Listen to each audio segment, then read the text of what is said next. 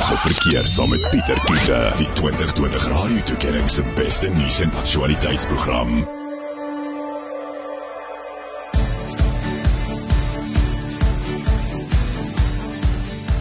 Welkom by Reg of Verkeerd. Ek is Pieter Kloete en ons gaan 'n bietjie vanaand gesels oor hierdie hele insident by Clicks uh, wat nou 'n hele rasse herrie ontketen het. En um, ek gaan so 'n bietjie oorskakel Engels toe want my gas vanaand uh, my guest is English so the um, unless you want to talk uh, uh, Afrikaans, Devin, but I'm sure. Um, yeah, ek sal probeer om 'n bietjie Afrikaans te praat. uh, that's okay. We, we we can we can chat in English. Um, All right. Devin Moonsamy, you're the CEO of ICHAF Training Institute, and uh, we're also going to get to your book a little bit later on. Um, this whole debacle about uh, the clicks uh, that started on Sunday, Devin, in your opinion, um, do you think that South Africans are a bit over sensitive when it comes to racism? I think, uh, as far as this is concerned, when we look at oversensitivity, to answer the question, not so much oversensitivity as opposed to being more vocal at this point in our history and in, in, in the past few years with so many campaigns taking the spotlight. People didn't have access to social media and so many other platforms to protest and to have their voices heard as what they have available today. So there are more voices added to the struggle of discrimination. There are more people who are very vocal, taking to social media platforms and forming all sorts of rallies and, and, and, and gatherings to be able to speak up about this. So I'm not saying that, um, that, that people are now um, becoming so much more sensitive as much as they're becoming more vocal, really, because they have the platforms in which to do it. Yeah, yeah. But do you also think that you know that some people do take advantage um, of this? Uh, I mean, we need to talk about racism. I mean, that, that's there's no doubt about that.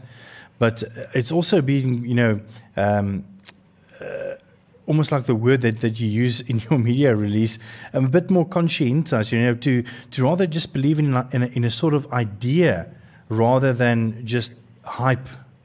Or, or don't you agree? I, I agree. You see, there are two different schools of thought here, really. There are some people who would say that uh, everybody's becoming hypersensitive or people are just taking things far too seriously when we should talk about progression, we should talk about moving forward, and we should almost, uh, you know, not sweat the small stuff. And then you get another school of thought where people are enraged and up in arms, and, and every slight uh, nuance is is uh, is a colossal like upheaval for certain communities. Now, what we have to remember is that often things are said. Things are said and things are communicated within the corporate space. It could be over the, the radio, in different media platforms, mm. etc. And often the person who's the recipient of the message, the listener, has got their own attitude and mm. behavior or, or their own level of thinking, their paradigm that will determine the attitude and behavior. That individual then has a choice to then take to social media, or that individual then has a choice to write a serious complaint to a service provider or a retail outlet saying that they have been offended by something. So, in order to understand whether people are being too sensitive or people are maybe now riding that wave, that racist wave, we have to go and sample at least 20 million different South Africans to try and elicit where are they sitting in terms of their mindset mm. around the subject at the moment. It's very difficult to answer. Yeah, yeah. And it's almost like people um, uh, are not still sure how to deal with, with, with racism, right? It's almost like, you know, it, it, people are stepping around the, the subject people are skirting around the subject. And I think for the reason that we don't want to generally, people don't want to overstep, people don't want to offend, and already the by its nature, it's a very sensitive subject to talk about. So we're looking at corporates as an example. People don't quite know what to say anymore. You get awkward silences. So people would sit in a boardroom and not want to ordinarily comment about something that they would have commented on five, six, seven years ago mm. by by complete fear that it could be misconstrued in, in, in some sort of racist way. And again now, when you when sometimes you can get away with talking about a particular thing, to one individual. But you can't get away with talking about exactly the same thing to another individual. Mm. But again, we've got to look at that person's perspective and paradigm and how we could say how conscientized are they or, or what is their mindset at that moment. I may say something to you and you, you know, I'm an Afrikaans male, and I may say the exact same thing to another person, an Afrikaans male, and the reaction could be varied. Uh, yeah. From um, perhaps a way of a complaint, maybe I would get hit, maybe I would be shouted at, maybe I just share a good old banter and laugh. Yes. So, uh, so everybody is reacting differently, and yes, let's be very honest. There are those people who are completely riding that crest and every single thing. Uh, not you know, no one can say anything without it being racially charged and motivated. There are those also those groups of individuals. Yeah, it's leading diversity expert Devin Moonsamy, and he's the CEO of ICHAF Training Institute. We are going to talk a little bit later about also the uh, book that he wrote about.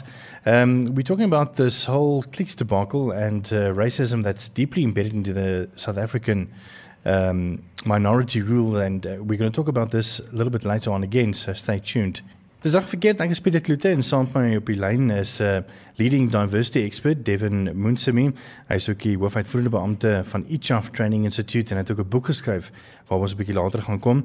Uh I'm going to chat in English uh, because uh, Devin you are English and I am Afrikaans. But you can speak a little bit of Afrikaans, I've heard at the beginning of the interview, so that's great. Uh, Vicky. yeah. And actually, my partner is Afrikaans. Oh, really? yeah. Uh, just before the break, we, we, we spoke about this whole um, clicks debacle and you know how sensitive we are about when it comes to small things and uh, how people express themselves. You know, when it comes to the racism uh, t- topic, how can employers be a little bit more? And the word that you use is consent uh, consent ties or conscientize. Conscientize. Yes. Yes. Um, conscientize. Yes. What what does the word mean? Now, the word simply means, uh, you know, we, we could call it awareness. We could call it a level of understanding, just being able to, and I like to say emotional awareness or EQ.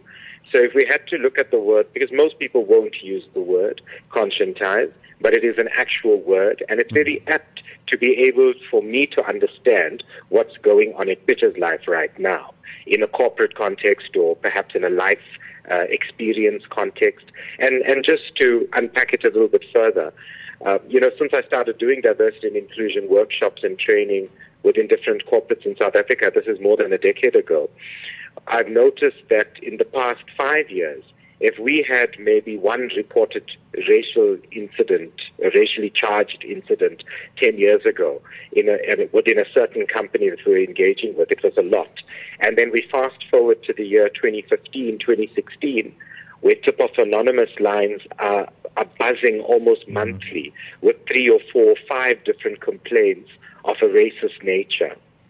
And it's, just very interesting that uh, in the last four or five years, so many incidences have been reported, and so many employees have ended up in a in a in a hearing, in a formal hearing, you know, uh, mandated by the Human Resource Department, and and wanting the employer. In some cases, unfortunately, it ends up in a dismissal.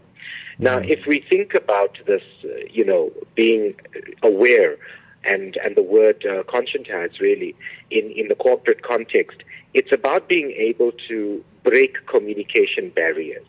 And it's about me being able to integrate within a department with a multitude of different people from your different backgrounds, from different levels of thinking, understandings, um, different gender, different perspectives, and really being able to communicate with the barriers quite low and being able to openly engage. And when we say openly engage, I must be able to understand where is it exactly that you've come from in terms of your perspective and your thinking, and even your circumstances and your background, perhaps a township, perhaps an area within a certain suburb that's uh, perhaps not as accessible as it is in my area.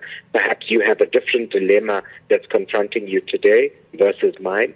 And that's precisely what it is a level of awareness and a level of understanding that we're a group of individuals who all have to function and operate together, yet we all have our unique composition and makeup in terms of what makes us um, you know, present and available in this company right now. So how what it took for me to get here versus what it takes for you to get here Yeah. is two completely different journeys.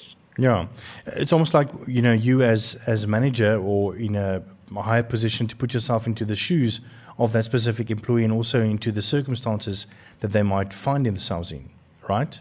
Absolutely, absolutely. So we become more sensitive based uh, when we communicate. If I understand from your perspective, so I'm, in the press release, I use the example of a strike, perhaps, and somebody being late to get into work, and our immediate reaction as a manager would be to tell that individual that this is, you know, a, a war, you know, an offence, and we're going to have to sit down, and it's quite a serious one because you need you need to be at work on time. But sometimes there are circumstances surrounding certain incidences that occur. The late coming is one such uh, example, but there are many other things we could use, perhaps even in the click scenario, you know, making a direct comparison. I can understand why some people would have been offended by that, because beauty has been synonymous with, uh, with, with, you know, light skin. It's been synonymous with, with straight hair. There's a, you know, people go as far as Brazil and India and and take hair of unfortunate women from there to try and paste it onto African women's hair in Africa. You know, it's an it's an old old uh, you know adage and tradition that if you want to look beautiful, you've got to look a little bit more European or Western. And I think uh, you know many of the social media tweets we've been seeing, many have been charged with this type of anger and aggression. And sometimes before making certain statements into the media or maybe publishing certain adverts, we've got to be again conscientized and we've got to be exceptionally aware of what, how is my audience going to perceive this message? And in the corporate context, as a manager, how are my staff going to be accepting this message? And in some cases, if somebody walks in by simply walking in and not greeting, that could be misconstrued or, or, or perhaps even misunderstood for, for racist behavior. And it doesn't surprise me that some people have these water cooler meetings and saying, Oh, did you see the way she walked in today? You know, she didn't even greet. You know, that kind of, of mm. tone or that type of dialogue that's taking place among certain people in, in the business. And, and, and, and in some cases, people label that as racism. And I'm not, and it, and it most likely isn't. Perhaps that individual just had a bad day. So as much as the colleague or the, or the subordinates or the, the staff member needs to be um, aware, and we're saying the manager needs to be aware, it actually works both ways. Yeah. Um, because I think there's a lot of miscommunication happening in our public spaces, in our social media platforms, as well as corporates. And, and, and people are, are, are, sending messages out that are not necessarily uh, the true source of the, of the message or the meaning. Do you think in the South African context, it's a bit more difficult than, let's say, America or, or the UK? Because, I mean, just in South Africa, we only have we have uh, eleven languages. Uh, we have many more different cultures uh, and beliefs. Um, you know, where do we draw the line, um, and how do we, you know, consult as a big company um, not to step on anybody's shoes? It's such a fine line, right? It is a fine line. In some ways, we may we may be slightly disadvantaged, but in many ways, it is an advantage. So the average day, the day in an average South African's life. I mean, if you get into your car, if you get into a taxi, you're going to be confronted with other people. You can stop at a petrol station. You can speak to a person who's maybe a an African, South African person, and then maybe engage with banter with another person, and then come into your office and work with an Indian person. Yeah. You see, we in South Africa, we have varying levels of exposure. And uh, even the average children, we have multiracial schools. We have, uh, in our shopping centers, we, we can basically greet in the basic languages. I'm of the perception that even small children can say Goeiemorgen and can say Dumelang and say hello and perhaps Assalamu alaikum. So these are things that's almost embedded into South African culture. And I've seen South Africans get on famously in, in overseas. Uh, you know, when, when they're visiting and they come into contact with another South African individual, and there's already a comradeship, whether you are a white-skinned South African or a darker-skinned South African. So, in the South African context, I'd say some of the work is done. A lot of the work has been done because there's been lots of work and talk around transformation. We've had our constitution that has been developed. We've had change in government. We've had so much dialogue and so many different platforms. It's not always a bad thing.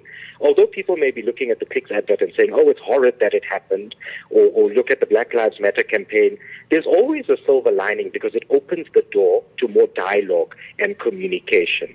And the minute that happens, and South Africans, as, as, as we as a culture and we as a people in this country, we are open to communicating and we're not necessarily shying away from it. So the more we have, like what I'm doing with you right now on, on the phone, here we're having this open conversation, people are expressing themselves on the news and in different platforms, it's very healthy because then it brings a heightened sense of awareness. Then we become more conscientized then we become more readily aware and, and, and, and, and uh, I would say open to the idea of embracing something that's not my regular norm. I may not have that texture of hair, but how would it feel if I label it in a particular way? You understand? Mm. So I think in many ways, it's a good thing that these types of, of scenarios rear its head every now and again in our society because it almost paves the way for our next society or next generation of individuals to start thinking in a very broad, uh, aware sense. Yes. Leading diversity expert Devin Moonsamy, and we're going to chat about uh, more about this topic uh, just after the break, so stay tuned. Reg of verkeerd met Pieter Kloete. Dinsdae aande net na 8 op Groot FM 90.5. Welkom terug. Ek is Pieter Kloete en saam met my is die leading diversity expert Devin Moonsemin. Hy is ook die hoofuitvoerende beampte van Ichaf Training Institute. Ons het 'n bietjie gesels oor die hele kliks te bankel en hoe mense en verskillende rasse en uh, die meer ehm um, rasisme sien en mense geskiedenis en die meer. So ons wil graag hê jy moet lekker saamgesels 0616104576 onthou staan daar tariewe geld. Marika het vir ons 'n uh, boodskap gestuur and um I'm going to translate this to you uh, Devin just to make it easier. Okay. Uh, but Marika asks um that I should ask you uh, just before the break we were talking about the responsibility that a, that an employer has in understanding a situation um, of an employee you know because uh, you know if, if you expect everybody to be at the same uh, at, at work at 8 o'clock uh, you know, for me, it's it's much easier because I just live around the corner and I can just drive here quickly and take me five minutes. But for a colleague of mine, it might take an half an hour, and they have to take two buses and a taxi. So, um, and she asks, um, shouldn't it also be the other way around that the tables should be turned, where employees should also try to be more understanding about the history because they don't know the history of the manager or the employer, and also the um, the the uh, situations uh, surrounding them, perhaps. Mm. Mm-hmm. Yes, it's a very good question, and it's a question we often get asked in our training programs especially posed by managers themselves who, who, who, we find that perhaps there's no common viewpoint between their teams and themselves. Now, managers, I would imagine, have been given their positions because there's a set of skills that you know they tick the boxes and they've showed that they're very capable and competent.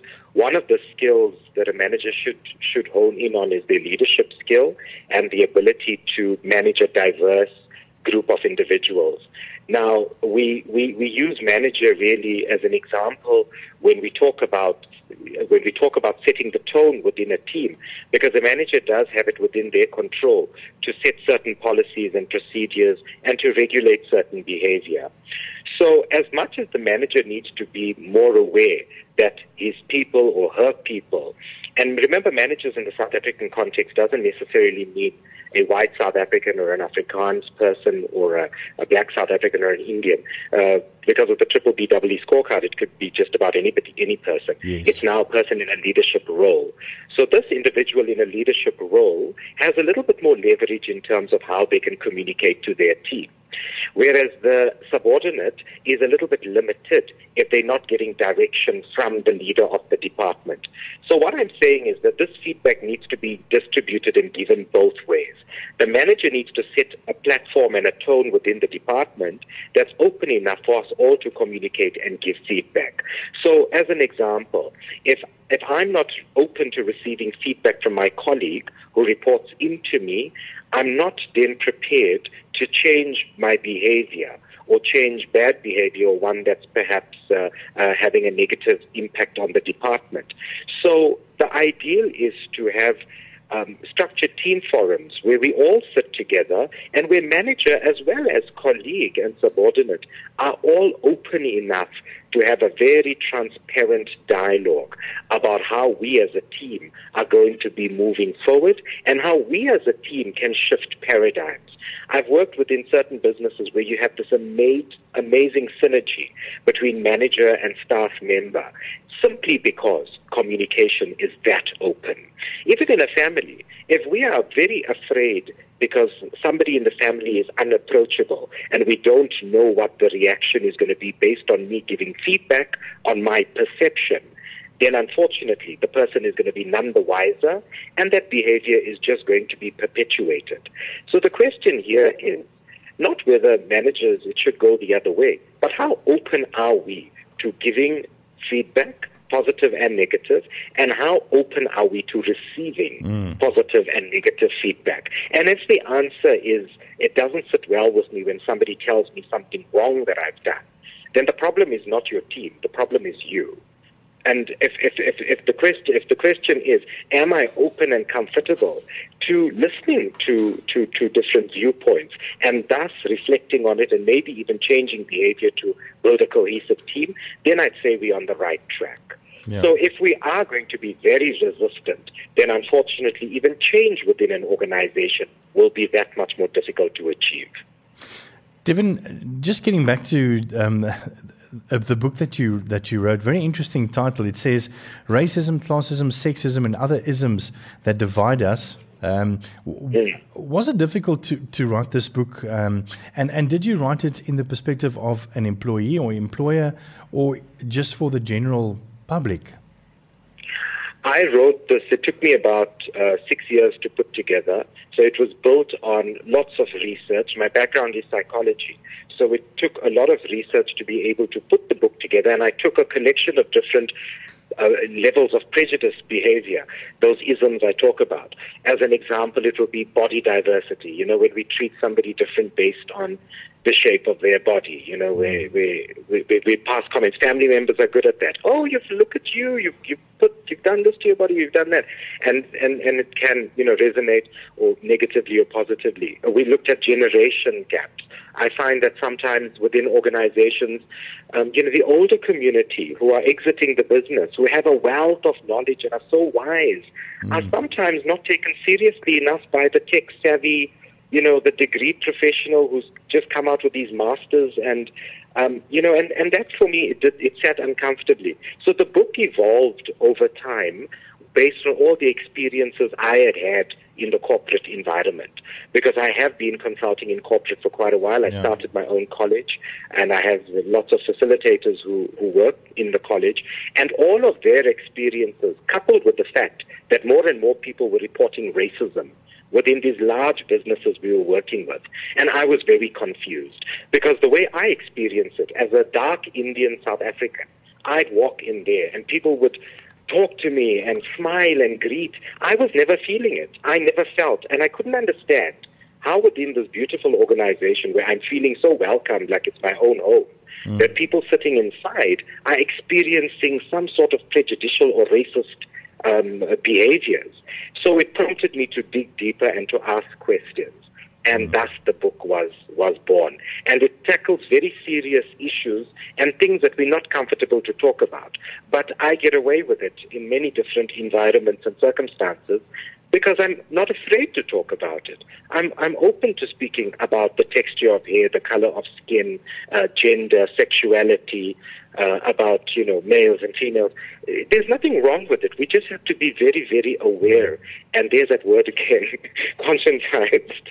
We have to be aware and conscientized in terms of how we're sending the message and how we're receiving the message and how open am I to dialogue. So, so the book is now in its third print run, and um, it's it's um, yeah, and, and lots of people are using it, uh, uh, you know, and and I'm glad because it just breaks the barrier to communication. It's about time we spoke about the stuff that makes us uncomfortable. Mm. And the faster we speak about it, the faster we become comfortable with it. You know, it's just about getting over that hurdle and, and having that dialogue and, and, and, and then becoming so open about it and going, okay, all right, I can breathe again. You know, so this mm. is how I approach the situation. And, and, I mean, this book is so relevant. I mean, um, you started six years ago, but in the meantime, um, there's so much examples of you know of of stuff that happened in the interim, like the Me Too movement in America, mm. the Black Like Me, exactly. uh, and all of the other stuff. You know, just shows that mm. you know now more than ever we need to to, be more it's more than ever. Yes, you're right. Absolutely. You know, I was on holiday with with my par- with my partner and you know with friends. They all are, you know, look, we all look different, and the perception in in that part of Asia where I was um, in, in, in that, uh, in Phuket actually, yes. was that Indian, dark-skinned Indian people are the cleaners actually, um, by their experience. So, so when one walks into a store, into one of the shops, then the attention must be focused on the European person because they're the ones with the money. You know, they have their own level of prejudice. Yes. So when I walked in, I was ignored many times at different hotels or at different restaurants that they would never bring the bill to me. It will always go to the other person, or I would never be asked in a store. I could count the number of times, and I really went a lot of shopping while I was there. Yeah. They would hone in on the European person because that's where the revenue comes from. But that is a level of thinking, their paradigm. Who, how do they know who has more money than the next person? So every community has it, and I couldn't be angry about it. In fact, I was feeling comfortable because I really didn't want to be bombarded with some shop assistant asking me if I'm okay the whole time. yes. But uh, and the others were uncomfortable with that. So I enjoyed my shopping experience. But they have that. Colorism is a very big thing in Asia. Every other lotion has a skin lightening component in it. Um, and, and, and if we have to dig deeper and assess you, the, the anxieties that people face over the color of skin in Asia, darker means less you know, wholesome means poorer, means unattractive. But what does it really mean? It actually means low self esteem. Yeah. And you can lighten your skin as much as you want. Unfortunately, you're not going to be able to change the content of your character exactly. or, or, shift your level of self esteem. So, this is a very relevant subject Black Lives Matter, the hashtag MeToo campaign, as well as colorism in Asia. And, you know, only good looking people being cast in certain roles it's very relevant now, and I think it's going to be relevant for a good few years to come until paradigms start to shift. Sure. Uh, Devin, thank you so much for your time. Um, is there, do you have a website where people can find out more about you and, and your book? Oh, thank you for asking. It's uh, ICHAF Training, so the I Can Help Africa Training Institute.co.za or devinmoonsamy.com. Uh, you just broke, um, uh, you just... Uh, devinmoonsamy.com. All right. Devin Moonsamy.com. Yes. Devin, thank you so much for your time. I really appreciate it. And bye, I, it was very insightful. Thanks. thank you. Bye, thank you. Okay, bye. Groot FM 90.5